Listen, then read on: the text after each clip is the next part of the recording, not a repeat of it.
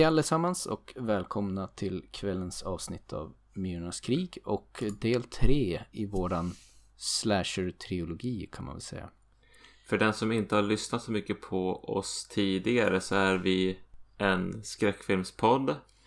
Och eh, i höst har vi ägnat oss åt slasherfilmer som ni kan höra. Det är tredje delen i vår trilogi. Mm. Och eh, vi har som kommit till andra halvan av 90-talet när det började hända saker med slasher-genren som var på utdöende. Slasherns renässans, typ. Ja, och det som händer egentligen är att slashern blir mer den är medveten om att den själv finns. Eller ska man, finns det något bättre uttryck för det? I engelskan så säger de self-referential. Ja, nej men det är väl det som sticker ut med den här vågen av slasherfilm som kom i den här eran. Egentligen. Ja, och eh, jag vet inte vad det var som gjorde att det här blev. Och det kanske vi kommer fram till i kvällens avsnitt. Vi kommer prata väldigt mycket om eh, Scream. Det är ju omöjligt att undvika den filmen. Men vi tänker väl titta på lite fler, eh, några andra exempel för att se vad det var som gjorde den här vågen. Som var ganska kortvarig men inte helt obetydlig. Mm. Men eh, innan vi hoppar på det tåget. Vad har hänt sen sist Björn? Jag har hört rykten. Ja, det är stora saker höll jag på att säga. Men jag har ju anslutit mig till skaran av pappor här i världen. Fått en liten dotter. Så jag har haft ganska fullt upp med det. Men det har å andra sidan blivit mycket en nattpass med att passa dottern också. Som har gjort att jag också har sett, faktiskt sett på ganska mycket film den här månaden. Men det har varit intensivt, emotionellt utmattande men också kul.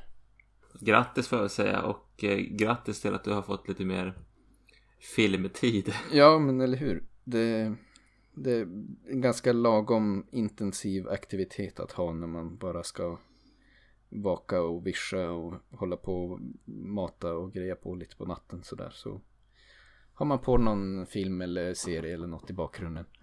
Sen kanske jag känner att jag måste uppgradera, börja titta på lite mer DVD och grejer. Jag har ju blivit väldigt bekväm av mig så att det blir mycket Netflix men på sätt och vis är det innehållet lite enahanda också. Ja, det, ja men det, det har, finns en del guldkorn där men det blir också lite torftigt i längden. Mm. Kanske. Du får göra ordningen en goodiebag åt mig ur din samling. Jo, det här är urspårat här. alltså, Och det ska väl komma lite mer till nytta. Ja. Sen får vi säga, tillägga det också att det här är våran första gång som vi gör en socialt distanserad podcast där vi Ja. sitter isär med varandra. Så det är väl lite kanske awkward för oss båda men vi hoppas att vi kan få ihop det så att det blir hyfsat bra ändå. Men det känns lite konstigt att inte kunna se dig när vi sitter här och snackar. ja, det är lite lättare vi kan läsa av varandra fysiskt. Men eh, det är nödvändigt att göra så här. Ja, på sistone nu har ju coronan kommit med besked till Västerbotten där vi sitter. Så vi håller oss lite lugn nu, särskilt som vi båda jobbar inom sjukvården och sen har jag väl också haft lite extra koronoja när man har den lille att se till och ta hand om också. Ja. Min svägerska har ju testat positivt. Hela hennes familj har ju coronan. Så alla mår bra. Men det är ju liksom, det är nära nu. Det är som inte, och de bor i Skellefteå. Ja. Ja, det är lite otäckt. Vi har, vi har lite självisolerat. Jag har börjat använda munskydd när jag handlar och sådär. Sen Mm. är det egentligen bara farmor och farfar som har fått komma hit och hälsa på. Ehm, och så ja, du, du och din dotter Irma tittade förbi men då blev det mer att hälsa i porten och hålla behörigt avstånd. Jag stack in näsan där, även om det kanske är näsan som är det värsta att sticka in. Men det, det var precis samma, i ö, samma ögonblick som de nya restriktionerna kom i Västerbotten. Jo, nej men det känns på sätt och vis ganska skönt att kunna vara hemma den här tiden. Det, ja, man får ständiga sms från jobbet. Det är kris på personal åt höger och vänster. Men just nu har jag viktigare saker att ta hand om. Det har väl varit en lite skakig start ska vi väl inte säga. Men det har, har varit problem med matsituationen. Så jag har fått jobba ganska mycket med det. Så att hon får i sig ordentligt med mat. Men det blir ju som ett heltidsjobb. Så tills vi får lite, lite bättre ordning och uppstyrt med det så blir vi nog hemma bägge två. På gott och ont. Ja. Men annars då? Ska vi börja, ska vi snacka lite om filmskörden? Ja, ja. har du sett något bra? Ja, det jag tycker jag har sett som jag tycker har varit bäst, som jag vet att jag rekommenderade också att även du såg, det var ju en Netflix-film som heter His House. Som är nog ganska ny, jag vet inte exakt vilket år den kom ifrån, men den... Jag tror den är från i år faktiskt. Ja. Men den är i kategorin skräckfilmer för folk som kanske inte tittar på så mycket skräckfilm. Så tycker jag att den var väldigt bra. Den är liksom inte jätteläskig, men den var bra, ändå spännande, otäck bitvis. Om en intressant plott handlar om två flyktingar från Sydsudan tror jag som eh, försöker söka asyl i England och hamnar då i ett hus som kanske är hemsökt men är under väldigt strikta restriktioner. De är liksom där på någon form av prövotid.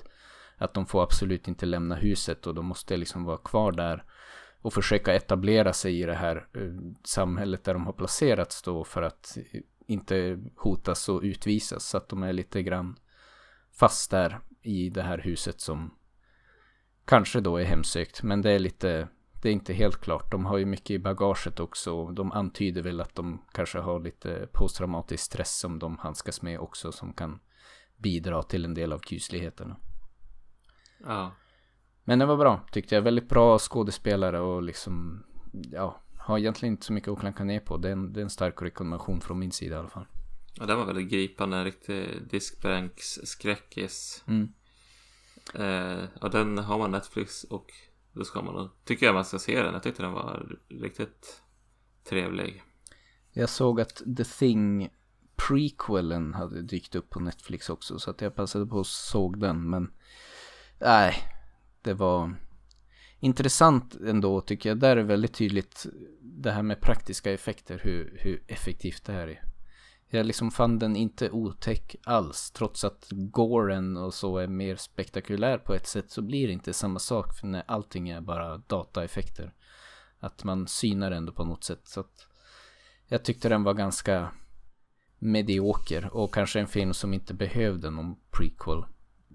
Men i princip får man följa det här gänget som var där innan då, om du minns originalet The Thing, börjar ju med att de... Det är någon hund som eh, smiter iväg någonstans och de jagar den över en... Precis, man får följa de som jagar hunden ungefär. Okay. Och hur, hur de hamnade i den situationen i slutändan.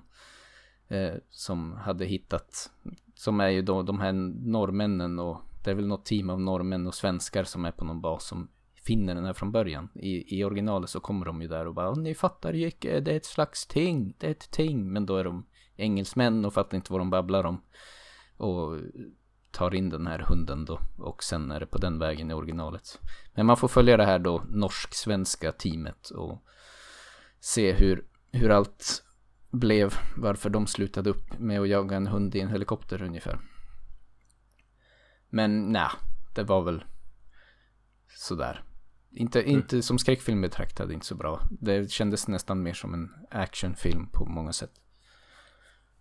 Så den fick inte den här paranoia effekten som första originalet, eller originalet är det ju inte, men John Carpenters mm. Eh, klassiker. Nej, inte alls. Den, den föll lite platt. Annars, ja, Paranormal kan jag väl höja ett viss rekommendation för. Den är också det är en serie men den har bara en säsong. Men som är egyptisk tror jag. Eller de utspelar sig i alla fall i Egypten med skådespelare som talar arabiska. Nu blottar jag min okunskap här. Visst är det arabiska de pratar i Egypten? Eller? Är det många som gör det där, ja. ja. I alla fall, som är ganska såhär low key, inte jätteotäck. Det kändes nästan som deras svar på typ X-Files ungefär. Men där man följer någon professor som är lite såhär skeptiker och vill angripa allt med logik. Men som i varje avsnitt utsätts för någon ny form av spöke eller haunting eller övernaturligt fenomen som han försöker att komma till grepp med ungefär. Som var ändå underhållande. Ganska standard på många sätt men det var lite som vi var inne när vi kollade på turkiska skräckfilmer att den hade ändå tillräckligt mycket av den här exotiska flavorn i att det utspelar sig i Egypten och det är ett annat språk och en annan kultur som även fast det var ganska standard spökhistorier så gjorde det ändå ganska intressant tyckte jag. Ja, men det låter ju ändå kul. Jag, jag gillar ju det här när det är lite annat än det här amerikanska standardskåpmaten. På tal om amerikanska standardskåpmaten såg jag också Haunting of Bly Manor. Har du sett hela, hela säsongen? Ja, eh, som jag förstår det inofficiell kind of uppföljare till The Haunting on Hill House. Mm. Som förvånade mig, för den tyckte jag var bra. Jag minns det som att jag ändå uppskattade mycket i den. Och att den skyggade inte undan för att vara skräck liksom. Men eh, den här vet i gudarna, så jag tyckte det var ett riktigt bottennapp om jag ska vara helt ärlig. Det var, det var som inte alls en, en skräck eller rysarserie. Det kändes väldigt tamt och det var mycket mer av ett kärleksdrama kind of thing. Så eh, mm. I don't know. Jag, jag matade igenom den men eh, nej. Pass. Det är inget, inget för mig i alla fall. Jag har ju inte sett den. Jag har, det är väl Mike Flanagan som gör den. Han har ju gjort Dr. Sleep och är ju ett ganska hett skräcknamn även om jag tycker att han är lite opersonlig. Mm. Den ska tydligen lite grann som eh, The Haunting of Hill House bygger på The Haunting från 60-talet så ska väl den här bygga på The Innocents som också kom på 60-talet som handlar om någon som ska uppfostra några Ja det är någon spökhistoria på något mansion. Ja just det. Jag hade egentligen ingen koll på förlagan utan jag Jag bedömer den bara i ett vakuum om man så säger. Ja det kanske man kan göra. Jag tror att den ska vara ganska fritt Inspirerad från det där. Mm. Men jag vet inte. Jag har ju inte sett det så Det var länge sedan jag såg The Innocence själv så Ja det var väldigt lite skräck i det i alla fall um... Och det kanske var avsikten men det var, jag gick i alla fall inte in med den förväntan utan jag gick in med lite mer hopp om att få se något lite kusligt och läskigt men det var mer ett drama slash kärlekshistoria med en lite krydda av spökerier här och där men väldigt återhållsamt. Så jag blev ändå ganska besviken. Okej. Okay. Jag hade lite mer tur. Jag var på en loppis i, utanför Örebro här i början på oktober. Mm. När jag, tog en paus i svampplockningen när jag var med en kompis och ett par ungar. Inklusive mitt eget barn. Men hur som helst så var vi på en loppis i en håla som jag tror heter Gropen eller något sånt där. Mm. Det hör ju hur håligt det är. Det kan inte bli håligare eller det, det kanske var något annat men det, jag vill minnas det som gropen vid Fjugesta. Mm. Hur som helst.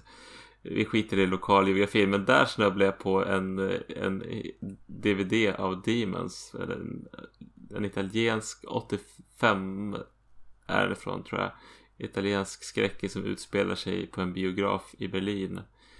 Eh, där folk har blivit inbjudna till en sån speciell visning och från filmvisning och den här filmvisningen sprider sig någon sorts demoner så det blir som ett zombie-slakt i väldigt, väldigt mycket hårdrock och väldigt mycket praktiska effekter. Okay. Så, så om du inte gillade The Thing prequelen så är det här väldigt underhållande. Väldigt mycket praktiska effekter och väldigt lite logik och väldigt mycket fart. Det kanske kan vara något. Kanske. Mm. Det är de motsatsen till The Haunting of Bly Manor. Här är det inga pretensioner alls mest eh, bara skojigt. Pang på rödbetan. Jo. Sen, eh, sen dagen efter så såg jag Cooties eh, som från 2014 som är Elijah Wood är med i och det är hans produktionsbolag som har gjort den och det är typ som den är ganska, passar ganska bra ihop med Demons nu med facit i hand för det där handlar om en eh, skolmat som smittar eh, barn så att de får någon sorts infektion i hjärnan som gör dem till zombies. Och det är också väldigt mycket pang på rödbetan Mm. med humor och fart. Så en, en bra double feature om man vill ha lite lättsammare och eh, väldigt blodigt och våldsamt. Ja, men det kan vara... Det kan kanske ändå vara något. Särskilt när man har lite eh, barnpassningsbestyr parallellt med filmtittandet så är det bra också kunna se något som inte kräver liksom laserfokus för att man ska hänga med. Ja men här kan man ju gå och eh, liksom torka upp en spya och sätta sig igen och veta ungefär var det är någonstans. Mm. man, man behöver liksom inte pausa eh, filmen. Sen eh, såg jag Under the Silver Lake som kanske inte hör till skräckgenren men det är David Robert Mitchell, han som gjorde It Follows. Han följde upp It Follows med den här Under Silver Lake som handlar om en, jag vet inte, han känns som en liten drönare i Los Angeles som kommer någon sorts konspiration på spåren. Det, är väldigt mystiskt men eh, det är rätt så spännande och trevlig berättelse. Väldigt lång och det blir bara mer och mer mystiskt. Mm. Mysteriet är ju roligare än själva lösningen på mysteriet eller vad säga. Jag känner väldigt mycket igen titeln. Jag sitter och försöker dra mig till minnes om det här är något jag kan ha sett i något sammanhang. Men jag är tveksam. Eh, Kanske. Det, det låter väldigt bekant allting men I'm still drawing blank. Ja, ja men det är som, man, känner, man ser ju att det är samma regissör som It Follows. Den har ju liksom en lite mer lättsam ton och är inte alls skräck men den man ser ju liksom på stilen det är filmat. Det känns lite grann som att det befinner sig inom samma sorts universum ändå. Mm. Så jag, jag, jag tyckte ju om det. Sen är det ju kanske blir lite grabbigt tonårsmässigt skrivet ibland. Men det är, en del saker är ändå väldigt underhållande. Mm. Eh, jag försöker komma på om det är något mer. Eller egentligen, det är ganska mycket mer jag har sett. Men jag vet inte om det är så mycket mer. Som jag har så mycket att säga om. I filmskörd. Förutom de filmerna som ligger till fokus för kvällen. Så. Har du något mer på listan som du vill prata om? Nej, det, var någon, jag såg i Robocop här då, de hade något spännande filosofiskt resonemang i extra materialet, en av manusförfattarna om eh, subjektivt respektive objektivt våld. Mm.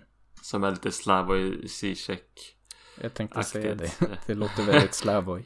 Jag kanske kan, men Robocop är ju, tycker jag är, är ju en, av de bästa 80-tals actionfilmerna och den är ju Jag tycker den är fantastisk. Eh, och, och nu när jag såg om den eh, liksom som mer vuxen så tycker jag att den, liksom, den har ju väldigt mycket mer än bara När jag var liten så gillade jag den här serietidningsunderhållningen men nu som vuxen så ser man ju också det här hur den pratar om eh, vilket knäppt samhällssystem vi lever i. Är- Det är ju verkligen en en eh, vad ska man säga en skrattspegel höll jag på att säga. Nej men att det är någon sorts, den skildrar ändå liksom ett, vårat samhällssystem. Jag kommer ihåg alla de här typ reklam, fejkade reklaminslagen eller vad som var i Robocop. Som Ja. jag tyckte var nästan det bästa när jag såg den. Men jag såg den ju i relativt vuxen ålder ändå. Jag kanske kan ha varit 20 eller något sånt där när jag såg den. Så att, men jag tyckte den, eh, ja det gav, det, det eleverade den nästan till en ny nivå för mig. För den hade liksom de där små, små reklaminslagen som var bara så absurda. Men också väldigt underhållande och, Och delvis skrämmande. tänkvärda liksom. Ja. tänkvärd och men det är nästan lite skrämmande. Det, liksom, det känns ungefär som att man har liksom fileat fram det galnaste vi har i nu. Så det blir, som, det blir nästan lite för nära verkligheten fast det ändå är helt over the top. Mm. Absolut. Eh, men ja, jag tycker Ja, nu, jag såg om den här, det finns ju liksom i en väldigt nedklippt version men nu såg jag i den oklippta versionen. Och eh, den här Paul Verhoeven som är en europé, I guess, att det gör att han låter våldet få konsekvenser på ett annat sätt än en amerikan aldrig skulle göra. Mm. För det här är ju liksom, det är ju någon, alltså det var ju Det var, jag tyckte det var en väldigt obehaglig scen när de avrättar den här Nu har jag glömt bort vad han heter, han som blir Robocop sen. Mm. Eh, det är liksom, de skjuter av en hand, det är otroligt blodigt och otäckt. Alltså jag var ju, även fast jag, jag har sett den här scenen tidigare så knöt det sig i magen för det var, ja, det var riktigt obehagligt. Ja. Och på något sätt så, ja men Ska man visa något som är så otäckt samtidigt så är det ju liksom Det är så här det är när man skjuter folk med hagelgevär Eller, I guess. Så det är ju, jag vet inte. Man, man kanske inte ska hymla med det. Ja, jag skulle nog tåla en omtittning av Robocop men jag minns den som en film jag uppskattade väldigt mycket. Ja den, ja, den, den tycker jag Den håller absolut måttet. Den är väldigt Det är analoga effekter som är jävligt bra gjorda och det är eh, väldigt välskrivet. Men för att komma till det här, men då, då är det här, jag ska fatta mig kort nu för du kan spåra ur det här med subjektivt och objektivt våld. Men det subjektiva våldet i, som det skildras i den här filmen, det är ju de här brottslingarna som skjuter ihjäl folk, de skjuter ihjäl polisen. Mm. Eh, Medan det mer objektiva våldet är hur storföretagen liksom skiter fullständigt i, ja men man köper upp polisen och skiter i att de har dåliga arbetsförhållanden. Eller att de ska, jaha nu är alla uteliggare här i det här området som vi ska städa upp. Vi skiter i dem. Att det är det där objektiva våldet som är liksom lite mer abstrakt. Det är väl det som är det subjektiva våldet då, eller?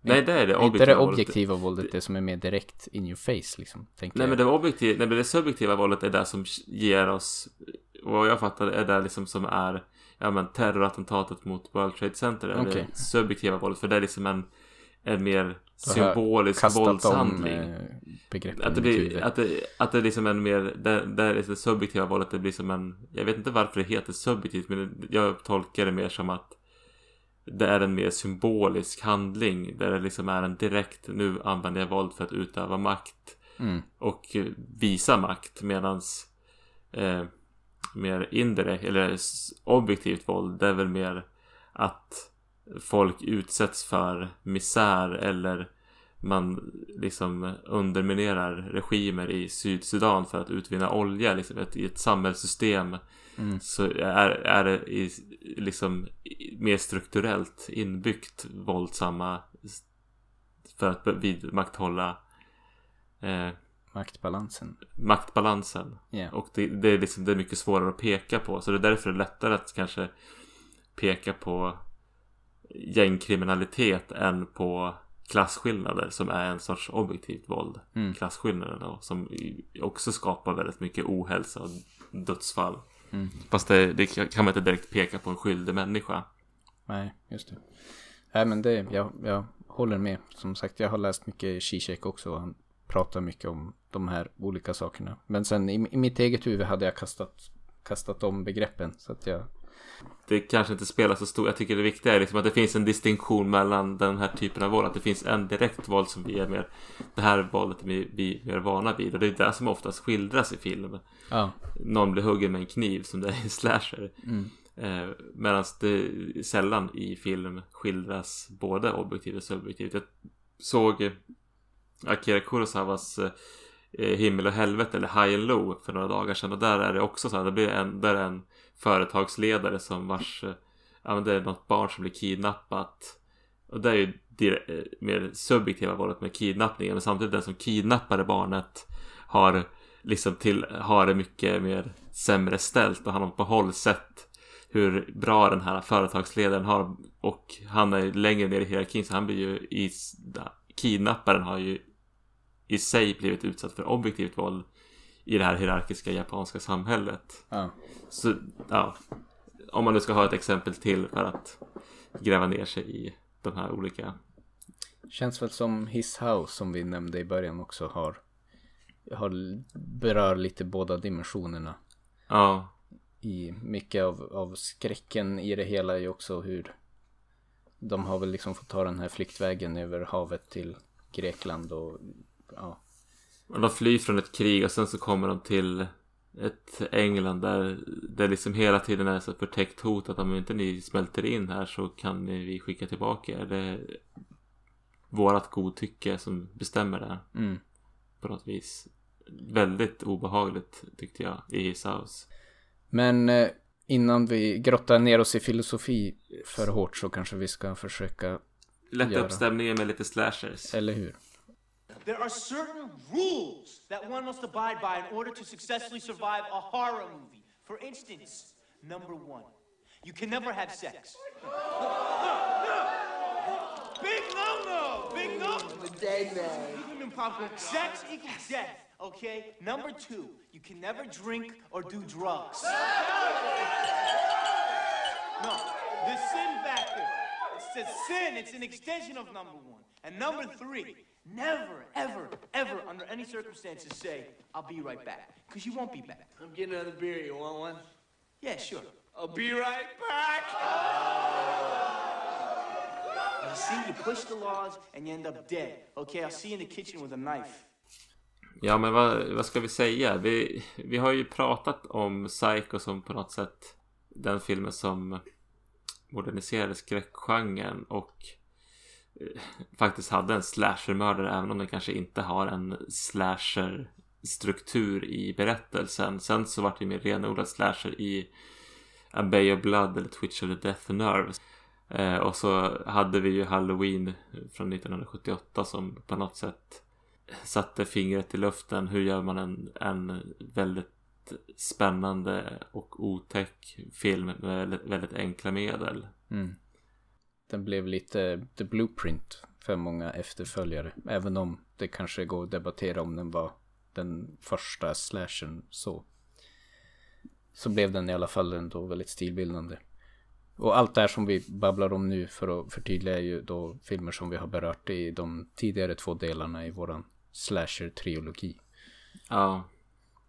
Och slasher-genren hade väl som någon sorts guldålder där. Efter Halloween så kom ju Eh, fredagen den 13 med massa uppföljare och Terror på Elm Street kom väl 84 som lite grann tog slasher-genren ett steg i lite mer övernaturlig riktning för att, för att göra det mer intressant. Men det finns ju väldigt många andra filmer som är otroligt eh, paint by number. Att de kör eh, en mördare som springer och hackar ner folk med kniv eller ja, ofta är det ju liksom deras mask och vapen som är det, det som skiljer kännetecknar vad det är för film ungefär så. Ja, mer eller mindre. Och det var väl väldigt lätt att producera billigt. Så det var väl många produktionsbolag som gillade att göra slashers. Och eh, det är väl lite jämförbart med den här vågen av found footage-filmer som kom för en tio år sedan ungefär. Mm. Men eh, till, gick, till slut blev man väldigt trött på det här eh, formatet och den här berättarstrukturen. Så det gick ju sämre och sämre. Så på 90-talet så är det väl som någon sorts all time low på många sätt. Det var ju som Det känns som att det är något form av lite uppehåll där mellan slutet på det vi väljer att kalla för den klassiska eran då och sen de filmer vi ska prata om idag som kanske har sitt startskott då i Scream eller Wes Cravens New Nightmare som kom eh, när då? 95? 96? 94 tror jag. Ja, 94. Och Wes Craven, det var ju Wes Cravens New Nightmare var ju som Den vart väl inte så stor men det är väl kanske den som egentligen borde markera starten för slasherfilmer som är medvetna om genre, att genren finns. Självrefererande slashers. Ja, precis. Mm. Den handlar ju om, det är ju när Wes Craven, han gjorde ju första Terror på Elm Street-filmen och sen så var han inte med förrän i Wes Cravens New Nightmare då är det som att för att, för, ja det som är självrefererande är ju liksom att vi får ju följa Heather Langenkamp spelar sig själv Robert Englund, han som spelar Freddy Krueger, han spelar sig själv Mm. och man får som följa dem tio år efter den här stora filmsuccén och de eh, är väl på väg att spela in en ny Terror på Elm Street-film och i det här så får Freddy Krueger något sorts liv genom filmproduktionen. Ja, så att det liksom de, det blir ju väldigt meta och Mm. eh, ja, och det, är väl, det var väl ganska nytt. Det är väl inte liksom så, gen, så himla många exempel innan det här. Men det här var liksom genomgående den filmen. Jag såg den filmen och jag kan väl förstå att det inte blev någon hit. Den kändes ju lite som B-90-talsfilm även om den var ändå ganska hade bra sidor så var den som det saknades någonting där. Ja. Men med det sagt så kanske vi då ska ta oss an och börja prata lite grann mer om den första filmen vi såg och kanske delvis då startskottet för en, en kavalkad av slasherfilmer som kom sen. Och det är ju då Scream från 1996 i regi av Wes Craven eh, med manus av Kevin Williamson. Och Kevin Williamson, han skulle jag vilja flagga lite för. För det känns som att han är en, om det finns några enskilda personer som är viktiga i den här tiden i skräckgenren så är Kevin Williamson en utav dem. För han eh, är inblandad i väldigt mycket. Han gillade ju, han var ju nog en väldigt filmnörd. Lite grann som Quentin Tarantino kanske. Men med en förkärlek för high school-filmer och slashers och så vidare. Som hade väl ingen större lycka som skådespelare i den karriären. Men han eh, gjorde som en så här sista grej när han skulle ge upp eh, alltså filmindustrin. Då, så hade han något så här skrivbordsmanus när han hade påbörjat en pjäs eller film, kortfilm eller vad det var. Jag vet inte exakt. Som handlar om en person som blir uppringd av en mördare. Och hela handlingen kretsar kring det där mordet. Eh, men han eh, hade som slutpengar och han satte de sista pengarna satte sig eh, typ en vecka och skrev ihop forcerade, eller kanske på en helg, jag vet inte. Det som kom att bli Scream-manuset. Eller Scary Movie hette det i en lång tid, var väl det arbetsnamnet.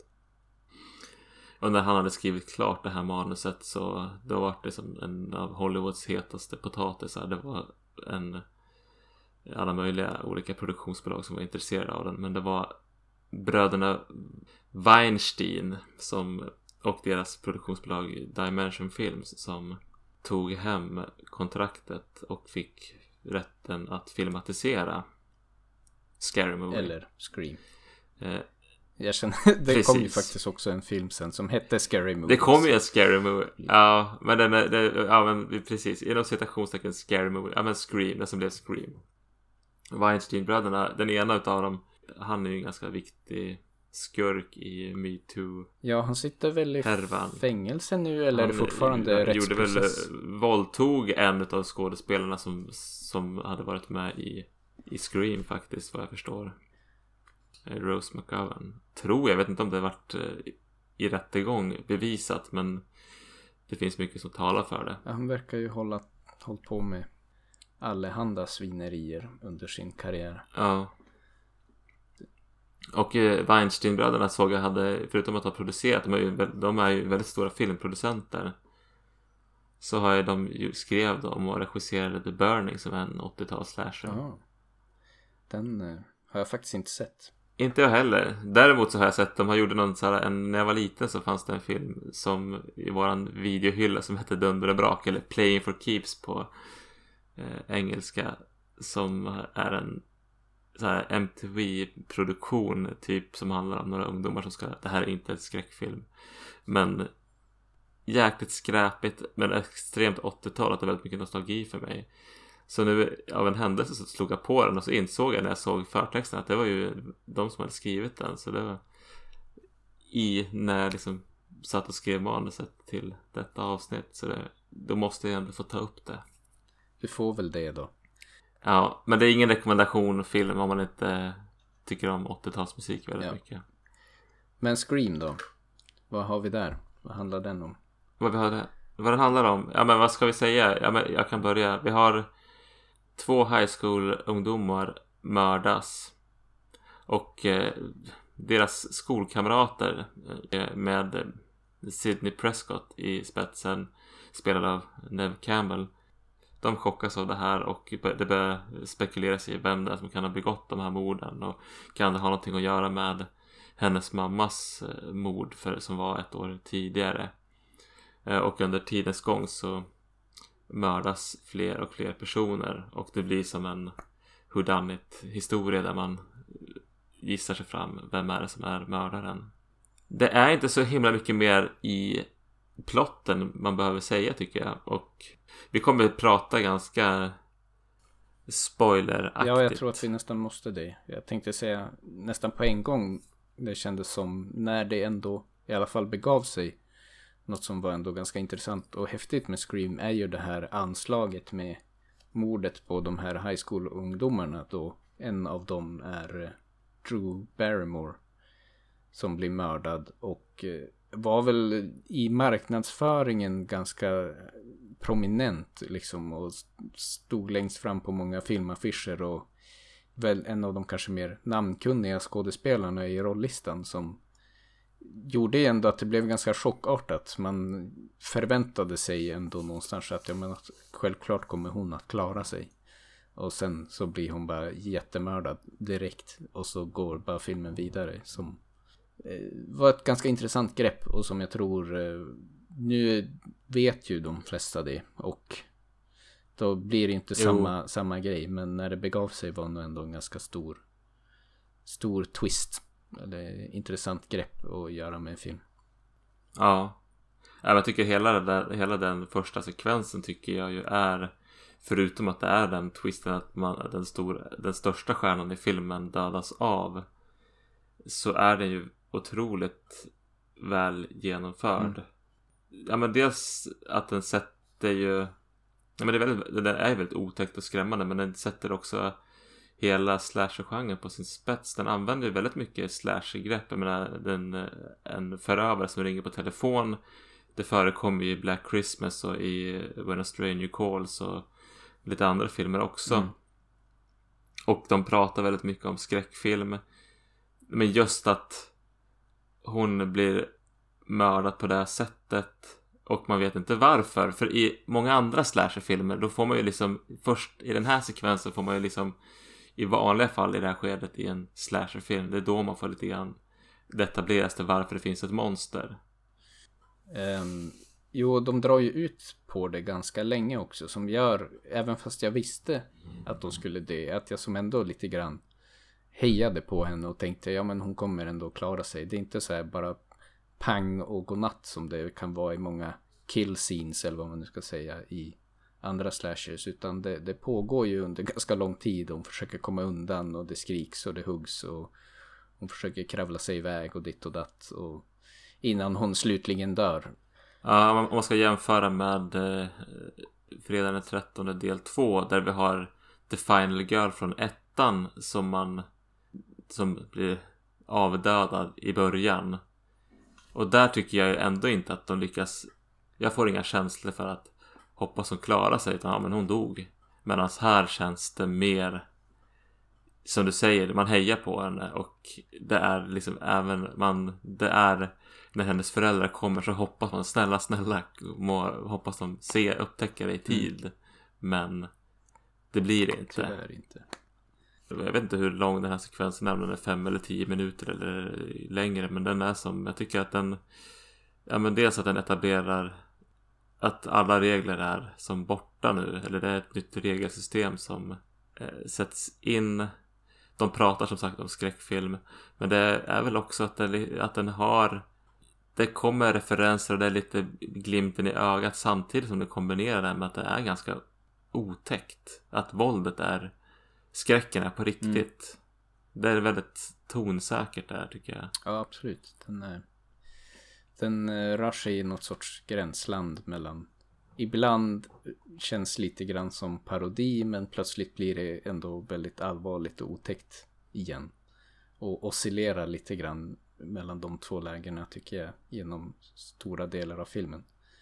Men eh, som du säger också när de i princip förkastar ändå reglerna i första scenen så gör det också att man blir lite mer on edge för allt som kommer därefter. Att nu är all bets are off och nu kan i princip vad som helst hända. Nej, och sen så man får se hur mördaren ser ut med den här äh, speciella masken. Edvard Munch, skriet-masken. Så det är ju väldigt klassiskt slash att man liksom får en ett varumärke eller vad man ska mm. säga.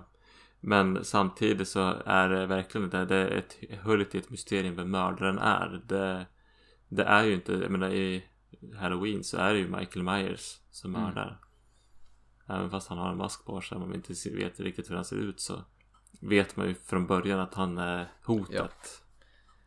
Medan här är det ju liksom att man misstänker Kan det vara någon på skolan? Kan det vara någon av hennes kompisar? Kan det vara Ja. Och det tycker jag adderar spänning.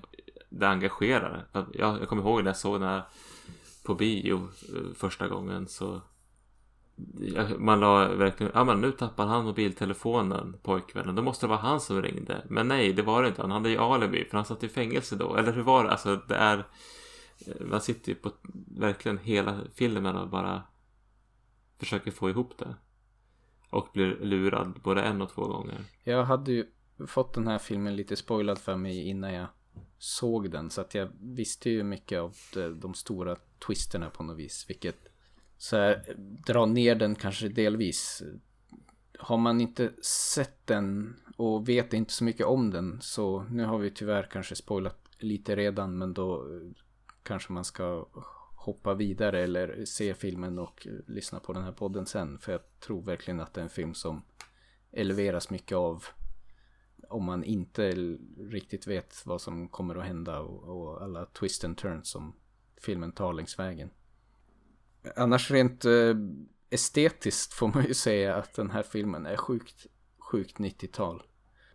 Ja, det är väldigt polerat och på ett annat sätt än tidigare. Jag tycker bara skådespeleriet och liksom hur folk beter sig. Och det känns igen från mycket av de här 90-talsserierna med jag vet inte vad det nu hette, Melrose Place och Dawson's Creek och allt vad det nu var. Dawson's Creek som Kevin Williamson för övrigt skrev lite. Ja, just det. Ja. Men eh, jag tycker också det där är intressant som en, ett barn av 90-talet så när man växte upp under 90-talet så tyckte jag aldrig att 90-talet hade en distinkt stil. Det är som bara i retrospekt som man kan se det. Då tänkte man, ja men det där 80-talsfrillerna och liksom man såg liksom 60, 70, 80-tal hade liksom en distinkt stil. Men man tyckte att 90-talet det var som eh, inget särskilt. Ja, inget, neutralt. Ja. Och sen när man tittar idag så är det som bara herregud. Såg vi ut så där? Betedde vi oss på det där viset? Ja men frisyrerna på, jag men, vet han, Bill Loomis. Mm. Skit Ulrich som spelar honom. Den ju, kan det bli mer 80 eller 90-tal än det Nej. Och hur de klär sig. 90-talet ja. har, har sin distinkta look också. Det ser man i den här filmen bland annat. Och säkert, säkert många andra filmer också. Oh, sen känns det lite mer påkostat den här tycker jag. Det är ju som ganska så mycket statister som rör sig. De är ju ute i dagsljus och man ser ganska mycket och det är ju polerat och mycket rörelser och liv. Så att det, det tror jag också adderar lite grann till den här campuskänslan som är mycket av 90-tals ungdomsfilmer. Jag tycker väl annars jag försöker fundera på rolllistan.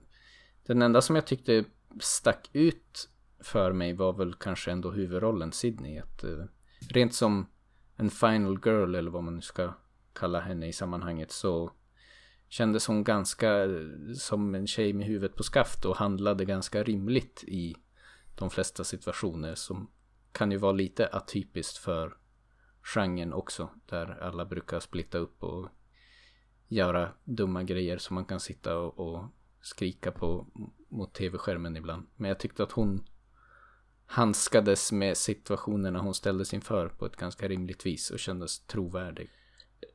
Och det här är egentligen lite grann, låter det som att jag kommer säga emot det, men jag tror att det bekräftar din poäng. Hon eh, säger ju i något skede när den här telefonterroristen eh, ringer henne att ja, men jag tycker att eh, skräckfilmer är så jäkla korkade och dåliga för att det är som bara storbystade tjejer som springer upp på övervåningen när de är hotade. Och sen springer de själva upp på övervåningen när hon blir attackerad. Men det kan jag, men det är för att, men som det är gjort så jag hade nog gjort likadant själv för att hela situationen kallar på den just det här draget. Ja, säga. de gjorde väl ett litet skämt av det där men ändå. Jag, jag köpte henne som karaktär och hejade på henne och hoppades liksom att hon skulle reda upp det och klara sig. Så jag tyckte hon stack ut på ett positivt sätt. Annars tyckte jag många av sidokasten runt omkring var lite grann 90-tals ungdomskarikatyrer som gjorde väl det de de fyllde sin funktion men inget som jag tyckte stack ut så mycket för mig. Jag tycker väl eh, Skit Ulrik Skeet Ulrich Han Ulrik kommer jag kalla honom Han, han tycker jag ändå är som lumsk och obehaglig som en jävla psykopat. Mm. Så jag tycker att han funkar i sin roll. Sen så tycker jag Matthew Lillard som är hans eh, bästa kompis Stu är ju störig men kanske passar hans karaktär att är liksom en som faller för grupptrycket som inte riktigt har en egen agenda riktigt utan han följer med på Skid Ulrichs ondskefulla planer. Men det är som en, det jag vill komma till det är väl som ändå så att hela den här äh, gruppen skådisar tycker jag, det, de har väl en, ändå ganska bra, en bra dynamik som passar i en high school miljö. Där Courtney Cox är den här vuxna människan som tränger in där och som en, vad ska man säga, en katt bland hermelinerna. Ja. Men det är ju liksom inga fantastiska skådespelarinsatser men jag tycker för att få en high school skräckis så funkar det bra och jag tycker ändå att jag tycker om de flesta karaktärerna ändå. Okej, okay, jag kan nog köpa det. Det känns väl lite grann som att man också har sett den här gruppen många gånger i många andra filmer. När man under sin uppväxt som också gör att det känns lite torftigt på något vis. Men eh, absolut, jag köper det du säger. På den lite mer negativa sidan så skulle jag också vilja lyfta att jag gillar ju hela den självrefererande grejen men en del referenser, de, det är lite, lite too much och lite too on the nose ibland. Att eh, det hade gärna kunnat fått vara lite mer subtilt för min del. Men det blir väl också en avvägning man måste göra i, vad säger man, tilltala en, en bredare publik så kanske man också måste vara lite övertydlig Ja, det ska inte bara vara de inbitna nördarna som, som ska känna sig smarta. Liksom. Men det är roligt om man är en inbiten nörd och får känna sig smart ibland. Men här var det, det var ofta referenser och sen förklarade också i regel karaktären vart referensen kom ifrån. Typ. Ja men i slutet, ja men vi all går i rebell sometimes. Och Psycho 1960. Ja, han måste fylla i med vart det kom ifrån så att ingen missar att ja. nu gjorde vi en referens igen. Nej men samtidigt så tycker jag att det finns ju sådana här när man introduceras för Skid Ulrichs karaktär Bill Loomis så klättrar han in genom fönstret hos um, Sidney Prescott precis på samma sätt som Johnny Depp som är ganska lik honom utseendemässigt som Johnny Depp gör i Terror på Elm Street när han är pojkvän till The Final mm. Girl. Men sen i nästa ögonblick så börjar han göra sådana jättetydliga referenser till att ja men vårat förhållande är som den censurerade versionen av Exorcisten där allt snaske är borttaget. Ja, det blir lite för mycket sådana tycker jag. Ja, det var eh, för mig tyckte jag det var liksom a bit too much, eh, lite övertydligt ibland. Men jag förstår väl också delvis varför man har gjort det så.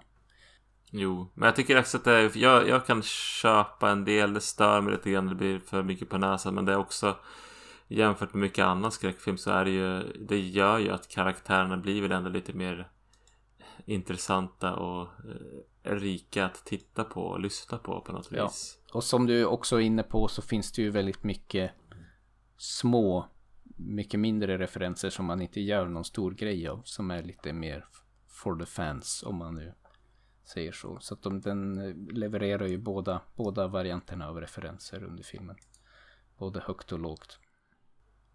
Ja, det finns ju, jag såg något YouTube-klipp om man är väldigt intresserad så det finns det ju folk som har lite för mycket tid i livet som har eh, suttit och verkligen sorterat in eh, alla möjliga referenser som finns i den här och räknar, ja men ja, det är bara att kolla på YouTube så kan man, det är hur mycket som helst. Ja, sammanfattningsvis tycker jag ju väl ändå att det är en bra film. Den står sig. Den, eh, jag såg den ju aldrig när det begav sig. Jag tror att den, som sagt, den eleveras lite av om man går in ovetande som vad som komma skall. Ja. Och ändå att man har liksom lite nostalgisk koppling till den hjälper. Men jag tycker ändå att det den film som står sig. Jag tycker att den var bra. Absolut, jag tycker den är som en perfekta blandning mellan någon sorts 80-tals high school-film av John Hughes och en, en skitig slasher som är upppolerad. Mm. Ja, men den, jag tycker är det någon av de filmerna vi pratar om ikväll som man jag skulle rekommendera till nästan vem som helst så är det den här. Men det här är också en sån film som väldigt många filmintresserade har sett. Ja. Men se om den. Jag tycker att den, den tål att se om även om man vet vem som är mördaren och vad som kommer hända och vilka som kommer överleva och inte. Och det känns väl, om man nu ska referera lite till de filmer vi har tittat på tidigare i den här trilogin så ur ett slasher-perspektiv så jag försöker komma fram till vad som skiljer sig men det är väl lite grann den här självrefererande delen som man kom in i här och sen lite strukturellt är det ju lite annorlunda att det är lite mer som en murder mystery blandat med slasher. Ja, precis. Det är det whodunit och sen så är det ju gärna är det ju liksom eftersom man, man inte vet vem mördaren är så brukar den också mördaren placeras ganska nära eh, i närheten av The Final Girl. Alltså att det kanske är en vad ska man säga? Nu spoiler det här men det är ju, det är ju en pojkvän till exempel. Att det liksom, att det, eller och i Mördande Legender så är det en av de bästa kompisarna till The Final Girl. Och att det liksom ofta är mer eller mindre krystade hämndmotiv som det, prior, det finns ett prior evil men man får reda på det på slutet. Det är då det förklaras i eh, till exempel den här elakheten i det förflutna i Halloween är ju när John, Michael Myers mördar sin syster och det är då det, han som monster etableras. Medan i Scream så är det, ja men det är pojkvännen som hämnas för saker som Sidneys mamma gjorde. Men det är först på slutet man får veta det. Det är först på slutet man får veta det, precis. Uh, en del filmer vi har tittat på ikväll så är det väl inte riktigt så. Men det kommer vi till. Men med många filmer så är det så. I just den här eran. Men i, i Mördande Legender var det jättemycket så. Jag orkar inte gå in på den så mycket. Den var ganska tråkig när jag såg mm. den. Så den har vi inte sett nu. Men vi kanske ska avrunda Scream där och uh, jobba oss vidare mot nästa film. Jag kan ju i alla fall i förbifarten nämna att Scream har ju fått tre stycken uppföljare och en, en Scream 5 är väl på gång. Men jag tycker väl att ganska snabbt så tappar den där, de uppföljarna fart och det blir som lite grann till slut driver de med sig själva. Äh, de behöver man kanske inte se om man inte tycker den första är helt fantastiskt bra och vill följa hur det går för karaktärerna. For the last year, four friends have kept a secret. Are you on drugs? No. Well, then what is wrong? I've had a rough year. But not all secrets stay buried. Ja, 97 är vi på. Jag vet vad du gjorde förra sommaren. Regi av Jim Gillespie och manus av Kevin Williamson såklart. Du kan få ta synopsis. Ja, och det handlar väl om ett gäng ungdomar som är ute och festar på en strand. Det händer lite saker innan det, men basically the prior event, eller det som kickar igång allting. De är ute och festar på en strand och på vägen hem när de eventuellt kör lite berusade eller en väldigt stökig hemresa så kör de på en person. Och eh, med tanke på att de har druckit så får de väldigt mycket panik och de vet inte vad de ska göra. Och det slutar med att det visar sig att den här personen lever. Men de bestämmer sig ändå för att de ska dumpa honom då i havet och hoppas att han dör och att de bara kan på något sätt gå vidare och glömma det här. Så får vi senare hoppa till ett år senare. Där vi får följa lite grann hur de här olika karaktärerna har tacklats med det här samtidigt som det börjar dyka upp brev till dem med någon som skriver att de vet vad de gjorde, eller han vet vad de gjorde förra sommaren. Och det är väl ungefär där det, det tar, går igång på riktigt och de måste börja försöka få reda på vem det är som skriver de här breven och så småningom också börjar döda folk runt omkring dem. Ja. Så det blir ju lite av ett whodunit mysterium med lite slasher och ja, de ger sig ut på eh, huvudpersonen där som, vet du vad är det hon heter nu? Det är eh, Jennifer Love Hewitt och försöker väl lista ut vem den personen var som de körde på året innan och Jennifer Love Hewitts karaktär i filmen är väl lite den som etableras som kind of final girl, eller den mer ansvarstagande Ja. i gruppen som också ville, när de körde på personen, att de skulle ringa en ambulans och egentligen ja, man vet ju redan i, den första sekvensen att det är hon som är final Ja. girl. eh, medan de andra var mer panikslagna och ville dumpa kroppen så var väl hon den som tog den mer ansvarsfulla rollen och hemsöks mycket mer av det de har gjort också när man får följa upp hur, all, hur det går för alla ett år senare när de börjar hemsökas av de här breven och folk så småningom Ja. börjar dö. Jag tyckte väl, nu lät det inte så långt när jag pratade om det men anslaget i den här filmen var ju aslångt. Förutom att de festar på stranden så hände det massa skit innan det också. Men Jo, men det är någon som sitter på någon klippa och verkar vara deprimerad. Och det är någon skönhetstävling. och slutfest och det är liksom Det hade räckt med att de var och festade på stranden, körde på en person, nu har vi etablerat the prior event så att säga, nu kör vi. Men jag, jag klockade in det på 25 minuter. Tar det i princip för de här att köra på den här personen innan filmen börjar. Som jag tyckte var Ja men det är som att de har en massa drama som jag inte fick någon betydelse Nej, sen. det, det kändes inte som att det riktigt ledde någonstans. Jag antar att de ville etablera relationen mellan de här olika karaktärerna, men det kändes ganska menlöst på något vis. För min del hade det gärna fått kunna vara lite mer pang på rödbetan och så få komma igång med, med skräckfilmen. Jo, re- regissören borde ha gjort något bättre med det eller slopat det. Eller, antingen kortat ner det eller spela, regisserat det.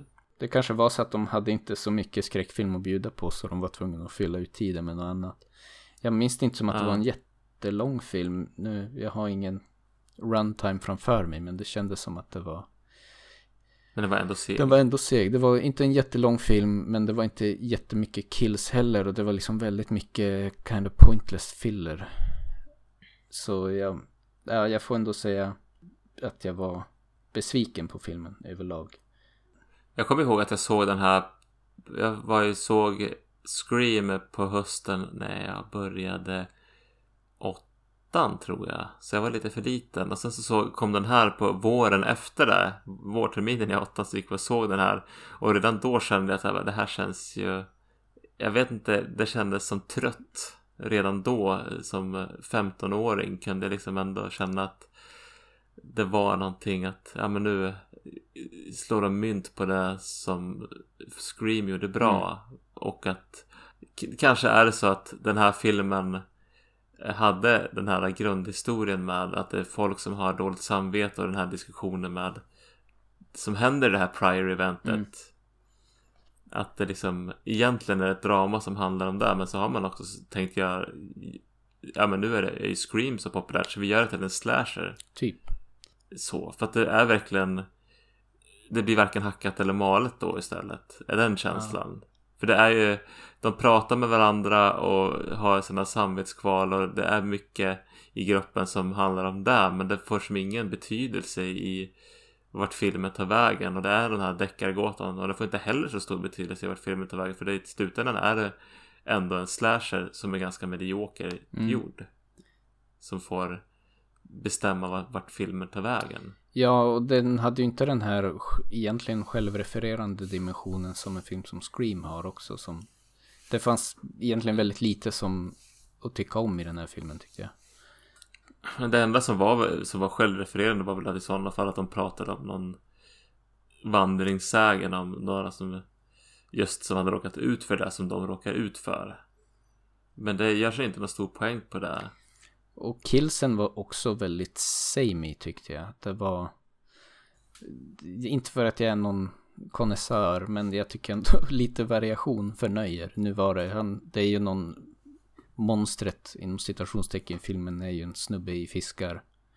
Fiskardräkt typ, oljerock och fiskarmössa och så har han en sån här huggkrok som han har för att liksom hugga större fiskar och dra upp dem i båten som han går runt med. Men varje kill är ju det. Han kommer med sin krok, de säger "Ah!" och så hugger han dem i kroken. Och så är nästa kill basically exakt lika. De, de få killsen, fyra räknade jag till som var, var alla utförda på i princip samma vis. Och regissören lyckas väl inte göra heller att såhär, det blir inte otäckt. Det är några jump scares men det är just det här eh, Jason-problemet eh, i de senare Fredag 13 filmerna som är Ja, han går långsamt men han hinner alltid ikapp och så kommer den dö. Och eh, jag bryr mig inte om den karaktären. Det blir liksom ingen spänning i det. Det är inget otäckt i det utan det är, man bara nu kommer den här personen dö. För min underhållnings skull. Och det, det blir bara tomt och cyniskt. Ja, jag, jag har svårt att finna ord. Jag, hade, jag har inte så mycket mer jag vill säga om den här filmen. Det jag tycker om med den här filmen är just att eh, jag menar, vi har en fiskargubbe. Det kan- är skit det vill mördaren. Men jag tycker om temat att det är vid, vid kusten och det är mycket fiske och det är krabbor i bakluckan och det är ja men det är jag tycker om den miljön. Jag trivs i det där. Det är lite mysigt. Men eh, handlingen, ja. Nej, och som sagt. De, det var som att de inte hade bestämt sig om de ville göra ett drama om skuld och eh, dåligt samvete eller om de ville göra en slasherfilm. Och så blev det varken eller. Bå, båda delarna Nej. faller ganska platt. Fill, all filler som blir är ganska tråkig och det är inte så mycket av slashervaran heller. Nej. Det som gör den här ti- tidstypisk är väl liksom Vi har ju Sarah Michelle Gellar som är Buffy the Vampire Slayer i tv-serien. Att det är tv-folk som Det är ändå en del affischnamn jämfört med 413 där det är många som inte hade så mycket till affisch eller dragplåster egenskaper. Och den har den här 90-tals college kind of seriefeelingen som Scream också. Ja, den där polerade ytan. jo, absolut. Och, sen, och, är, och att det är lite av en gåta hur allting hänger ihop. Ja, absolut. Ganska ointressant gåta visade sig i slutändan, men ja. Ja, för det, det är ju som bara en eh, återvändsgränd. Nej, men det, den, det, de skriver inte ihop det på ett intressant sätt. Nej.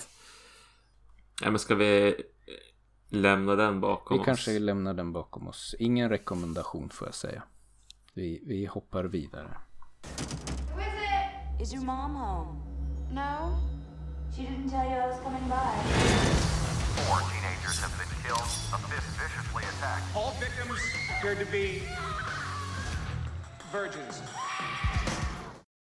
Cherry Falls från eh, 2000 då. Eh, regi av Jeffrey Wright som tydligen gjorde Romper Stomper som var den här eh, någon eh, handlar om skinheads någon tidigare, någon, tydligen en klassiker men jag har inte sett den. Och manus är Ken Selden, helt okänt namn för mig. Eh, och synopsis på den här filmen är det begås mord på företrädesvis ungdomar i staden Cherry Falls. Och eh, det som de kommer fram till vid eh, rättsmedicinska undersökningar är att alla som har blivit mördade är oskulder. Ja, det är inte så mycket mer än så. Och det, det dödas folk på löpande band. Ja, Och eh, det är ju det som är själva twisten och det här har man ju liksom Jag tycker väl att det, hela synopsisen säger väl på vilket sätt den här är självrefererande slasher. Den vänder ju på Final Girl-konceptet att det liksom är ju inte det brukar vara oskulden som klarar sig. Nu är det tvärtom. Och sen får alla panik i skolan och måste börja försöka få, få det där fixat så att de inte står med på mordlistan. Precis, så det handlar, det blir som en eh, stor sexorgie där, där alla bjuds in i något hus där alla ska försöka bli av med oskulden så fort som möjligt. Och eh, den här filmen, en överlag otroligt B-känsla. Men den är som ändå ganska roligt genomförd. Alltså det var så sjukt mycket jättedåliga skådespelare i den här filmen. Som var också så här För det var ju lite houdanit över det och ibland var det som att jag visste inte, sa den där karaktären det där, på det där viset nu för att man skulle så här misstänka den personen eller är hon bara så där dålig skådespelare och bara leverera sina lines jättekonstigt. Vilket i många fall visade sig ändå vara att de bara levererar sina lines jättekonstigt. Men eh, på något sätt var det ändå underhållande att se. Men det var, ja, det var mycket märkliga skådespelarinsatser. Och det är så här, är det meningen att det ska vara roligt eller inte? Det, det spelar kanske inte så stor roll för det var jävligt roligt Det var ibland. väldigt underhållande ändå. Men kanske inte alltid på det sättet som de hade för avsikt. Nej, men eh, ja, vi, vi har ju i... Det är inte helt okända namn i, i skådespelarlistan. Då. Brittany Murphy känner jag igen eh, någonstans ifrån. Och hon var väl ändå okej som The Final Mm. Girl. Eh, Jay Moore spelar den här... eh, Är han eng, engelska läraren eller vad det är? Han känner igen från lite annat. Just den här med- Jerry Maguire, han, är- han är med lite allt möjligt från just den här tiden. Han hade väl lite av en karriär. Och sen eh, en gamla favoriten Michael Bean, heter han så? Han är ju med i The Terminator och Aliens. Känner du igen honom? Jag, så, jag, jag ty- tyckte jag anade någonting och sen så eh, föll polletten ner under tiden vi såg filmen. Var det han som spelade mm, pappan? Det är han som är mamman till, det är precis han som är eh, sheriffen i stan. Ja, just det. det. Är det han som är Game Over Man snubben i Aliens? Eller? Nej, det är Game Over Man, det är ju, vad heter han? Det är Bill, Det är Bill Paxton. Paxton. Nej, Michael Bean är ju, han, han är ju, han är ju den här, eh, vad fan heter han? Heter han Reese? I, nej, det kanske han heter i Terminator. Men det är han som är den schyssta marinsoldaten som ska följa med Ah, i, okej. när de flyr från, flyr från planeten. Just det. Som dör eh, mellan tvåan och trean. Nej, nu, nu är jag med. Yes. Det är han som är hjälten i Terminator, eh, som, det är han som blir ihop med Sarah Connor i Terminator. Ja, eh, ja men de du nämnde där gör väl ändå en, en någorlunda kompetent insats. Men det är väl många andra studenter typ på skolan. Det är ju mycket som utspelar sig i en skolmiljö. Och även en del av kollegorna där på polisstationen som var också så här jätteweird i, i hur de levererar sina lines som gjorde att jag visste inte Ja. är det ett skämt eller försöker de insinuera att den här personen är någon man ska vara misstänksam mot eller är det bara dåligt? Oklart. Jag, jag fick ofta får jag som en känsla i den här filmen att det är, så här, är ganska dålig regi där man liksom antingen inte bryr sig eller inte har tid och pengar att göra de här äh, förberedelserna och de här extra tagningarna som behövs för att det ska sitta. Så är det ganska många, men samtidigt så är det ganska genomgående. Så det kanske är meningen, eller så är det bara genomgående dåligt. Men samtidigt så är det jäkligt På det, ja, jag tänkte säga det är nästan det som räddar den här filmen på många sätt. För att egentligen är det en ganska tunn soppa, inte jätteintressant plott. Och visuellt så är det ju jättetråkigt. Liksom, det är liksom, ja det är många saker som är väldigt B. Men det är just, Den, den eleveras av att den ändå har lite självinsikt och bara kör all in på B-spåret. Så att det blir ändå ganska roligt och underhållande att titta på till slut. jo, ja, men det är som en helt fantastisk replikväxling mellan Michael Bean och hans eh, do- dotter då i filmen. Där han har insett att ja, men det är bara oskulder som blir mördade och han ska ta reda på hur hon ligger till base-wise. Hur långt de har kommit i hånglandet. För att försäkra sig om att hon inte är i fara ungefär. Nej men det, det måste vi nästan klippa in. Ja, jag ska se om jag kan leta fram det klippet åt oss. Listen, I need to ask you a personal question. About what? It's about you and Kenny. What is it? About how far you've gone. Gone, you know. Base wise? Are you two kissing? Of course. I'm not a child anymore, Dad. That's normal. I'm not criticizing. I know, I know. Have you gone further than that? Listen, I wouldn't ask you this unless it was absolutely necessary. Can you go further? Annars så, ja, killsen är ju på många sätt, eh, Det är väldigt mycket off-cam. men ganska, alltså så här, varierande, men lite synd att, och det kanske är en budgetfråga, men det mesta är skri, sk- scream och så cut away och sen får man klippa in och se vad som har hänt efteråt.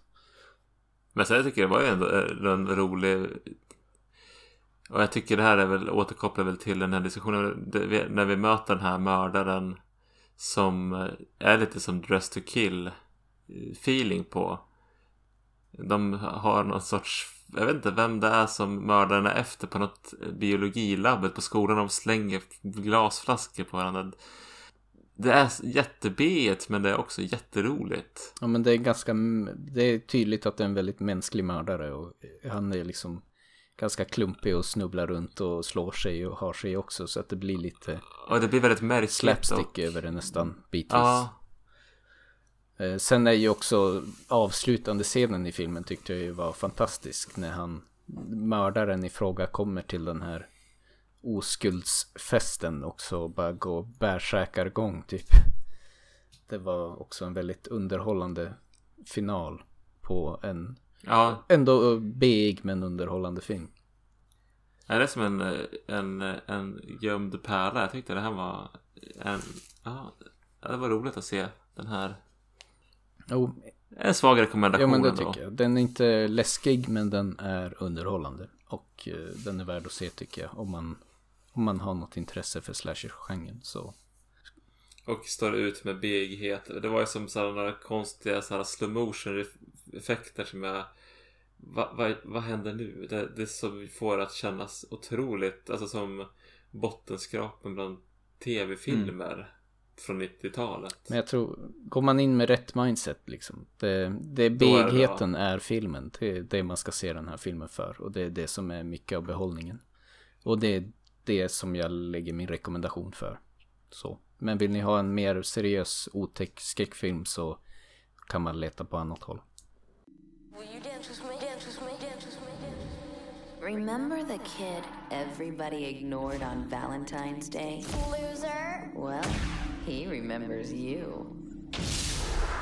God, we were so horrible to that kid. What do you think happened to him? Ja, men vi tar oss vidare till eh, Valentine 2001 som lite grann kanske får eh, markera slutet för den här eh, epoken i slasher-genren.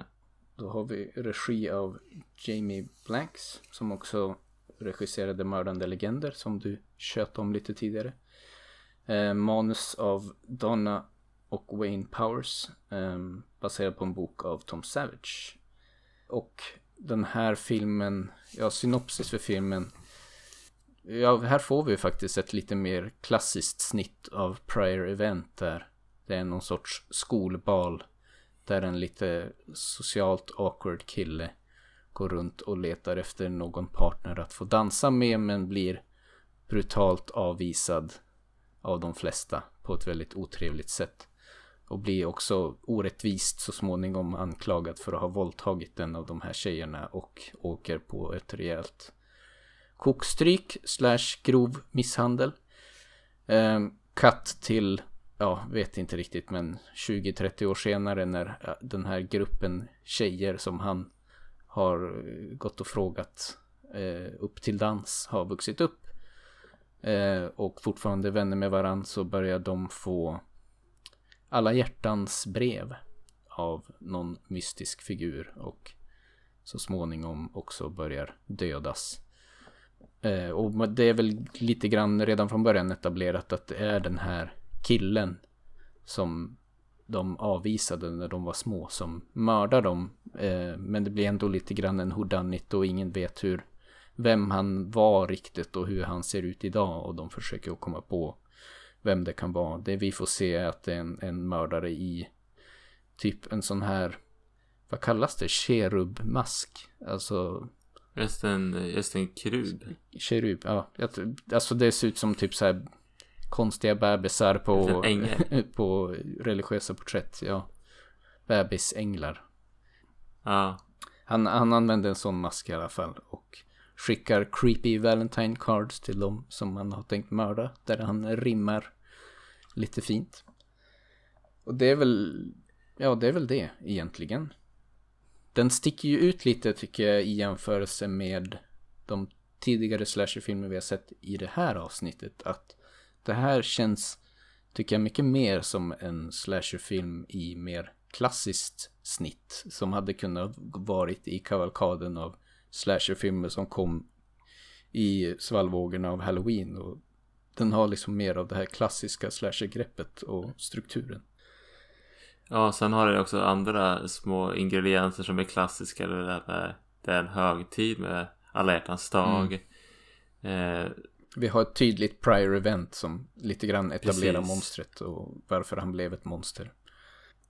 och så är, tycker jag väl att ka- många karaktärer känns mer som kanonmat i den här än till exempel Scream. Ja, absolut. Med det sagt som då inom citationstecken klassisk slasherfilm betraktad känns det som ganska kompetent genomfört.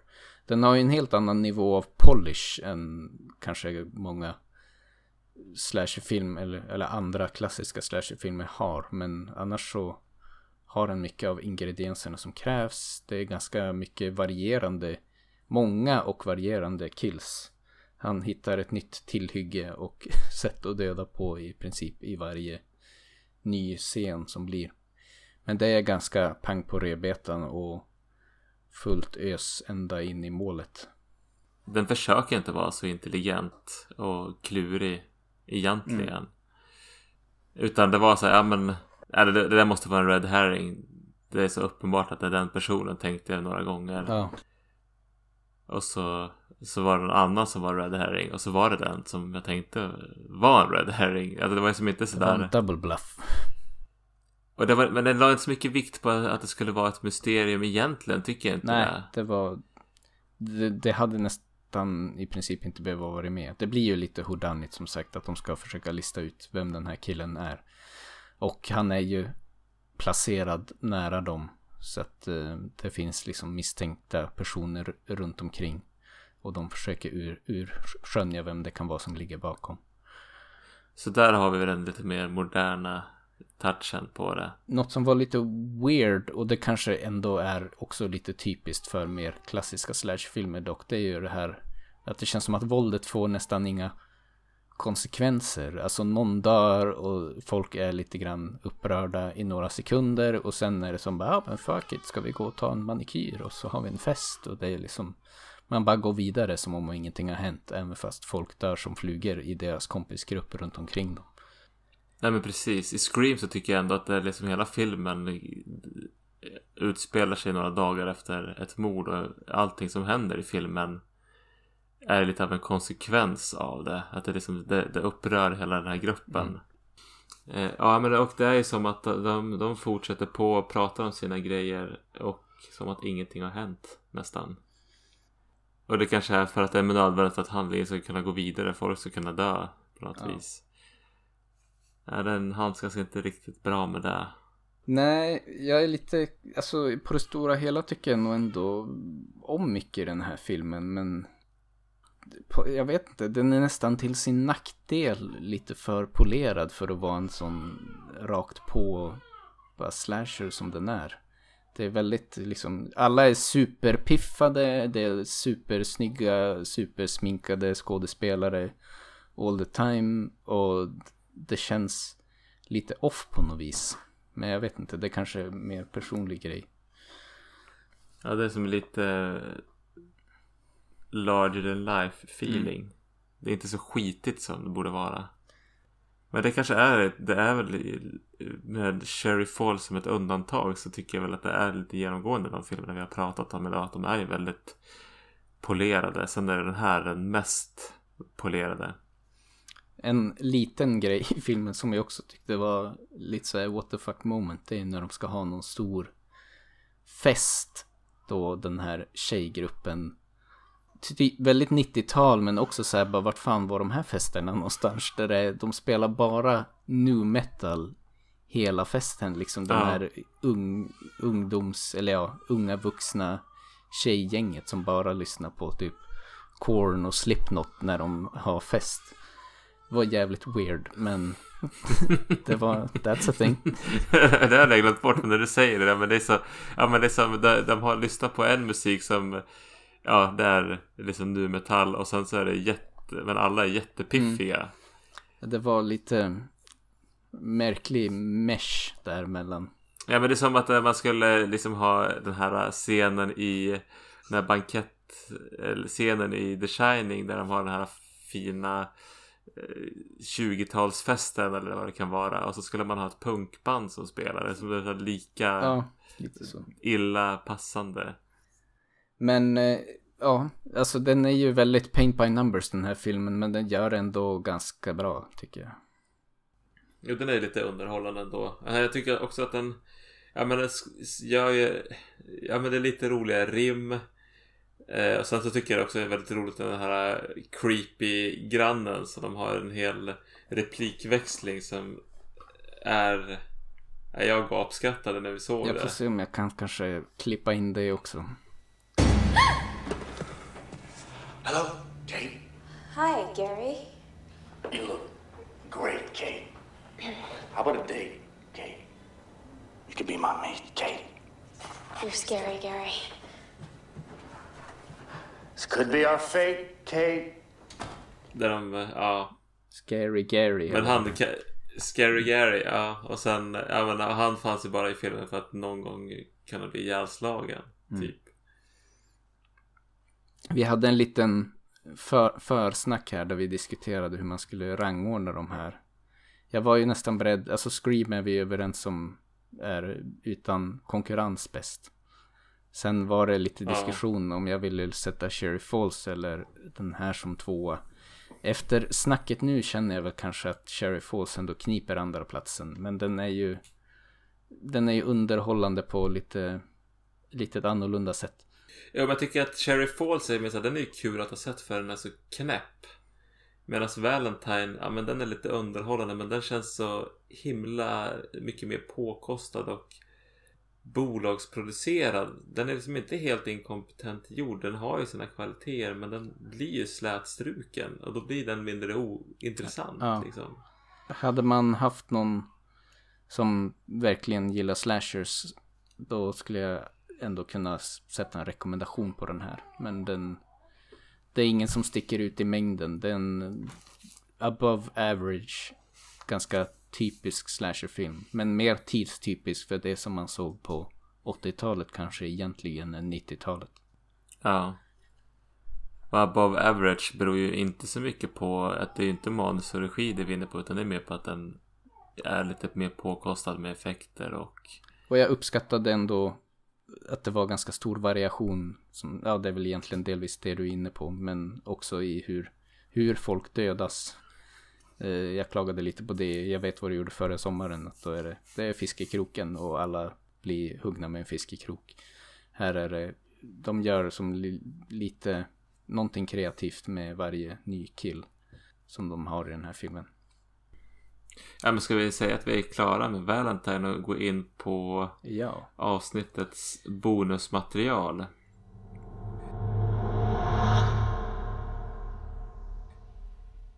Det är ju The Faculty från 1998. Regi av Robert Rodriguez och Kevin Williamson. manus. Återigen. Ja. Eh, och här får vi följa Elijah Wood och eh, eh, som är en eh, tunt på high school och han börjar ana oråd för att lärarna börjar bete sig allt märkligare. Och eh, det utvecklar sig väl till en sorts eh, body snatcher historia. Mm. Det är ganska tidigt, det är ingen spoiler att säga det. Och vi får följa som ett gäng som ska försöka lista ut vem är det som ligger bakom allt det här. Vad ska vi göra för att stoppa det här? Det här är ju en film som jag såg ändå när det begav sig. Jag var inte så mycket inne i skräckfilmer när jag var liten men jag tyckte ändå mycket om science fiction och så. så att The Faculty har jag ändå med mig 90-talsglasögonen på sett när det begav sig så att säga. Jag tycker väl ändå att det är en underhållande body snatcher film. Det är mycket dumheter i den här filmen också som jag kanske uppmärksammade än mer nu då vi tittade om på den. Sen den röda tråden till avsnittet i övrigt är ju också att den här är ju så jävla 90-tal. Och det är liksom estetiken och college-miljön och casten och på något vis känns igen mot andra slasherfilmer som kom i samma era. Jo, precis. Att är de har tonåringars problem och Mm. tampas med en, en skräckfilmsplott på något sätt. Ja. Den, ja, men den, jag tyckte den var underhållande att se om denna gång även om specialeffekterna inte riktigt har åldrats med Nej, det här är väl lite den tidiga eran av CGI och datoreffekter som man tyckte var skitcoolt då men ser ju väldigt daterade ut idag. Men annars tycker jag väl, ja, vad ska man säga, den är ändå ja, spännande. Något som jag reagerade på dock, det går igen lite i en del av de andra de här filmerna, att det är ju ganska mycket en vuxens perspektiv på vad dagens ungdomar är. Lite grann att det, skolorna i de här fallen är det är så jävla våldsamt. Det är som inte lite skol, skolgårdsbråk utan det är grov misshandel. Det är mobbing på en helt ny nivå som jag hoppas att ingen har behövt uppleva som barn. Men jag känner inte igen det från min egen skolgång. Nej men det, det, jag, jag tycker ju det, det känns som att det måste vara gjort med humor för det var så himla Ja men den där tjejer som Mm. snubblar på varandra och sen slår ner varandra ungefär Och det, det, och det hela tiden det händer saker Så jag tycker det är ganska underhållande Det händer så mycket så här ganska grova saker De i vuxna är bakgrunden helt blasé liksom. De, det är vardagsmat för dem. Och barnen bara bonkar på varandra. Men sen så, det här är väl antagligen för att man senare i filmen ska kunna, nu har alla blivit possessade, eller jag, nu har de blivit övertagna av, de har blivit body snatchade. För att sen är ju alla går i, i prydliga rader och är så himla lugna. Att det liksom, Ja. för att man ska skapa kontrast. Men det blir ju som väldigt överdrivet. Men det, det är ju en high school film liksom. Något som jag störde mig fruktansvärt mycket på när vi såg den här filmen den här gången dock. De har ju en väldigt tydlig The Thing-referens eh, eller en scen från The Thing där den här omaka gruppen ungdomar ska på något sätt bevisa för varandra att man inte är tagen av. De, de lyckas komma fram till att de här monstren är extremt känsliga för att bli uttorkade. Man ser att lärarna går runt och dricker vatten, hinkar i sig vatten hela tiden. Ja, och Jo- Josh Hartnets karaktär som är den smarta skojaren, han Så säljer då knark. ska de utmana varandra att ta det här knarket. Och så är det som att varenda person i gruppen ska ha sitt långa tal om att nej men jag tänker inte göra det. Så drar någon en pistol bara jo du måste göra det. Och de går igenom det där typ fem, sex gånger där man är som bara men kom igen alla kommer behöva ta det här. Det gör det bara. Det blir lite väl. Ja, men gör de det bara för att det ska bli svårare att kunna lista ut vem det är som ska vara eventuellt vara ond eller vad är det? Det, känns helt orimligt. Det, det, det, är, det är som att man har en idé på hur man ska göra en blinkning åt The Thing men man vet inte riktigt hur man ska få ihop det. Den är inte så läskig kanske den här. Den här känns som att den rör sig lite i gränslandet mellan collegefilm, action och skräck. Att det, det är inte så jättemycket väldigt läskiga scener. Jag försöker jag, dra mig till minnes, det är en del som har fallit i glömska men som sagt det är daterade datoreffekter och inte så mycket blood and gore egentligen utan det är ganska tamt den skräcken som är. Ja men de vill väl rikta in sig mot en yngre publik så då Mm. aktar de väl sig för allt för otäckt våld. Skulle jag tro. Ja, mer college sci-fi än en horrorfilm. Men ändå underhållande sådan skulle jag nog säga att jag fortfarande tycker. Ja, men är det liksom inte lite av en, en, en grej som hände här? Jag tror att eh, Scream och, och eh, de här filmerna är lite mer påkostade än vad många klassiska slashers. Men då hade man också försökt ha ett bredare anslag som gör att fler kan gå och se den. Det finns, ja men man har high school eller college-filmer. Alltså väldigt mycket av innehåll av det som vi har i The Faculty. Som ska locka en del av publiken och, och göra liksom den lätt-tittat för de som kanske inte är så intresserade av skräck. Men man har även skräck för att det ska vara lite edge på det. Eh, att det liksom att det här, att det, det här var lite grann det här som var framgångskonceptet. Att man kunde sälja in det här. Och då kunde man göra det mer påkostat och det gör, gör sitt med hur filmerna ser ut. Men också måste man göra dem lite mindre läskiga för att man ska kunna sälja det till så många. Ja, det var mer anspråk på rakt upp och ner underhållning. Där det kändes som att en del äldre skräckfilmer ur den klassiska eran. Då kunde selling pointen många gånger vara att oh, det är så otäckt, vågar du se det här? Något som är intressant dock i, i rent diskussionsmässigt är ju att efter den här eran av slasher-renässansen om vi säger så, men där också filmer som The Faculty kom är ju, skulle jag väl säga att då känns det som, då kommer ju tortyrporrs eran liksom av skräckfilm som är verkligen det är helt andra änden av spektrat med så och Hostel och så här filmer som verkligen säljer sig på hur ex mycket extremt våld och otäckt det är. Eh, och orka liksom titta på typ. Det, det är utmaningen om man orkar sitta igenom allt, allt blood and guts and gore. Som var verkligen en, en tvärgir åt andra hållet jämfört med det här mer återhållsamma, lite mer polerade men tama skräcken. Och så kan man ju spekulera i vad som orsakade det där, men det det var väl, men det kanske var, man blev ganska snart trött på att det var blankpolerat och det blev ju också lite, ja men det här att ha, man skulle ha de här twisterna och de här kopplingen till mördaren, det vart som alltså används den enda för ofta. filmen jag minns från min ungdomsdagar som var verkligen en sån här, ja men vågar du se den? Det var ju Blair Witch Project. Som vi har på tal om det pratat om i en tidigare podd när vi pratade om fun footage. Men de här filmerna känns inte som att de sålde sig på det. Att så här, det ska vara något otäckt och en lite spännande utmaning. Eller så mandomsprov inom citationstecken att titta på. Ja men precis, så här innan så var det affischer. Ja, det är en tydlig kontrast att kolla på renässans slashers, om vi kallar den här eran för det hur posters ser ut jämfört med slashers från den klassiska eran. Att här är det verkligen den här uppsättningen av collegeungdomar front and center och man säljer det på de här namnen.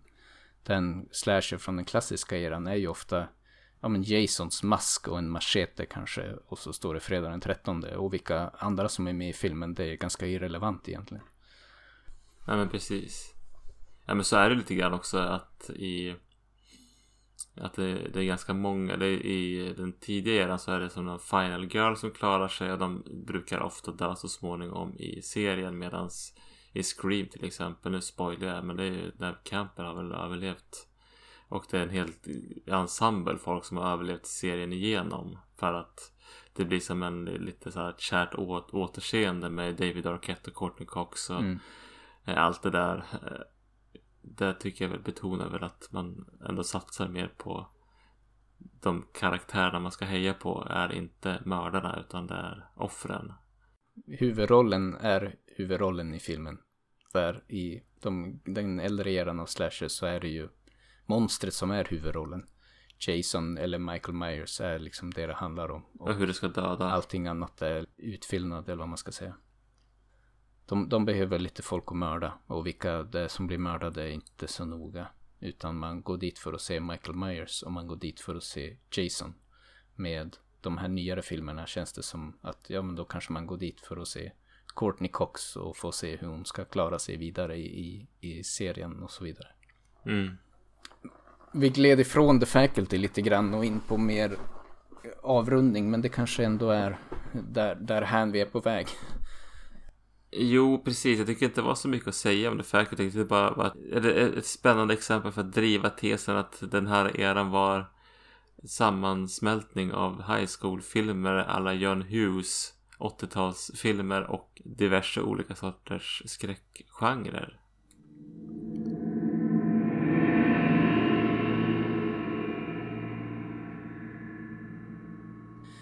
Men eh, för att avrunda då, vad, hur känner du kring hela, hela projektet Slasher-trio? Nu har vi betat av tre avsnitt slasher-filmer. Vad är din feeling? Ja, jag känner ju, eh, det är ju, känslan är att det har ju varit överlag väldigt roligt att se på filmen. Den klassiska eran var väl kanske den segaste, med de segaste filmerna med eh, Terror Train och Fredag den 13 del 2. Men jag tycker överlag så har det varit ett roligt Alltså den klassiska projekt eran att försöka ro i land. utmärker sig ju med att det kom en otrolig kavalkad av slasherfilmer då som var mycket snarlika varann. Och där känns det ju verkligen som att vi bara har just så pass skrapat på ytan. Och jag kan tänka mig att det finns folk som har tusen andra rekommendationer att det här måste ni ju se. Det som stack ut för mig väldigt mycket var ju när vi pratade om lite grann de förskärarna eller vad man ska säga. Det som kom innan med Psycho, Peeping Tom och A Bay of Blood. Att jag, jag tyckte alla de filmerna var väldigt bra. Det, det var väldigt roligt att se. Och filmer som jag kanske förväntade mig inte nödvändigtvis tycka om så mycket. Som, eh, ja, stod sig väldigt bra. Fortfarande idag trots att det är väldigt gamla filmer. Så det var de mest positiva överraskningarna. Vad är det första? Den här renässans slasher-eran eller 90-tals slasher-vågen som kom där är ju Scream utmärker sig ju på ett positivt sätt. Annars som ett barn av 90-talet så tycker jag ändå att det, det, finns någon skön nostalgi att se filmer som är så unapologetically 90-tal liksom i, i estetiken och framställningen som det finns ett underhållningsvärde, underhållsvärde där om man som, som vi är födda och på 80-talet och uppväxt i den här eran av film och miljö, eller vad man ska säga. Ja, det blir ju, det adderar ju till att det blir lite roligt. För mig är det ju liksom den här eran med Jag vet vad jag gjorde förra sommaren är lite nostalgi för att jag såg den på bio. Även om det är en skitfilm så är det ju mysigt eh, och så vidare. För slashers i stort så ja, jag tycker det har varit kul. Det är inte kanske min favorit subgenre om man säger så. Men den levererade mycket mer än jag förväntade mig att, jag, att den skulle göra. Men som sagt, vi har, det finns mycket att hämta här och det finns säkert anledning att återkomma till det.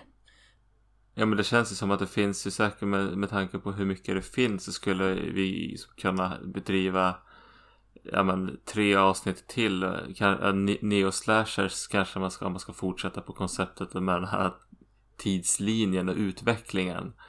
Men också, eh, man skulle ju lätt kunna köra en, ett avsnitt med eh, slashers mellan Psych, eller mellan Abbey of Blood och Halloween. Ja, alltså man, man skulle kunna göra en podd som bara handlade om slasher-filmer ur den klassiska eran av slashers nästan. Men eh, med det sagt tror jag att vi båda också ja. känner att nu behöver vi lite grann ett break.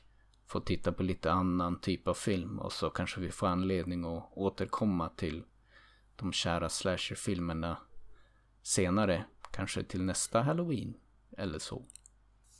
Ja, precis. Kanske snacka om lite mer fram var, var slash, slashen är på väg någonstans. Jag tycker det har väl ändå grenat av sig till olika riktningar. Jag skulle ju vilja påstå att It Follows har slasher-inslag till exempel. Men det är samtidigt tåls att diskuteras. Den är inte klockrent slasher. Men det finns ju lite annat också. Mm. Eh, Final Destination, är det en slasher? Vi får återkomma helt enkelt. Men eh, det blir nog återkomma på lite sikt. Och vi får ta ett litet andrum nu med eh, lite andra avsnitt. Julavsnitt är jag sugen på. Sen så en kort summering av bioåret. Det vart inte så många biofilmer i år men det kanske finns annat som har kommit ut i år som vi kan jag prata om. Jag tänker att det, det, är det som står närmast runt hörnet. Vi får prata om, ja men titta på någon jäkligt julig skräckfilm och summera året lite. Och om vi väljer att göra det som en lång sammanhängande podd eller att vi kanske gör ett lite kortare julavsnitt för att sen komma med en årssummering. Det får vi väl se, men, eh, men i alla fall är det det ni kan förvänta er till nästa månad. Och sen har vi ett nytt år. Ja, jag är sugen på att fara ut på resa igen. Jag vet inte vad ni som lyssnar tycker. Ehm, Det är väl kanske inte de avsnitten som går bäst för oss, men jag tycker ändå att det är ett roligt, eh, roligt koncept att göra. Det är roligt att, att ja, men lite tvinga sig fram, tvinga sig själv att vaska fram lite mer annorlunda skräckfilmer från annorlunda kulturer och sådär. Ja, ja, jag skulle ju också vilja... Det här hänger ju... Om det inte är coronarestriktioner som gör att vi tvingas se på filmerna på varsitt håll så tänker jag att ett koncept med jorden runt-resan är att vi käkar mat som passar till destinationen. Det Mm. gjorde vi i och för sig på Indonesien när vi åt eh, laxa. Men eh, jag vet att vi ska utveckla det tycker jag. Ja men definitivt. Det, vi, vi ska fila vidare på jorden runt konceptet och så får vi väl se. Men eh, jul, jul slash årssummering står väl näst på tur.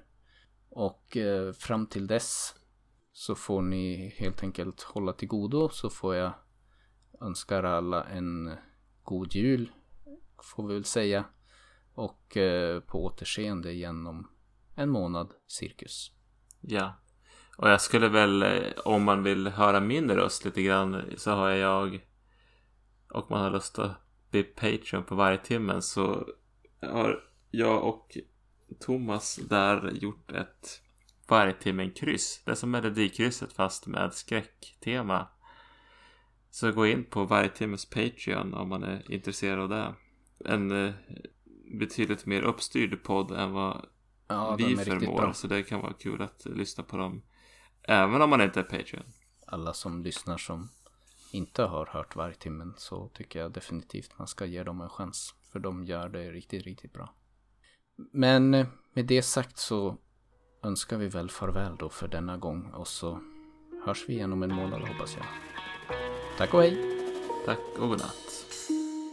Mam dziwne wrażenie, że zrobiłem to znów Sześć ciał bez głów, melioracyjny rów. To nas dwóch ponownie, popełnią zbrodnie. W górę rogi podnieś i bas podkręć. Niech słuchci potnie, płoną pochodnie Siedzimy na tronach z czaszek Zakryte twarze, mów mi Azazel Przynoszę slasher, przynoszę świst Maczet, rozpoczynam krwawe harce. Rzeźnicki nóż, ostrze szerokie na cztery palce. Łaki to żywe tarcze i nadal gardzimy nimi.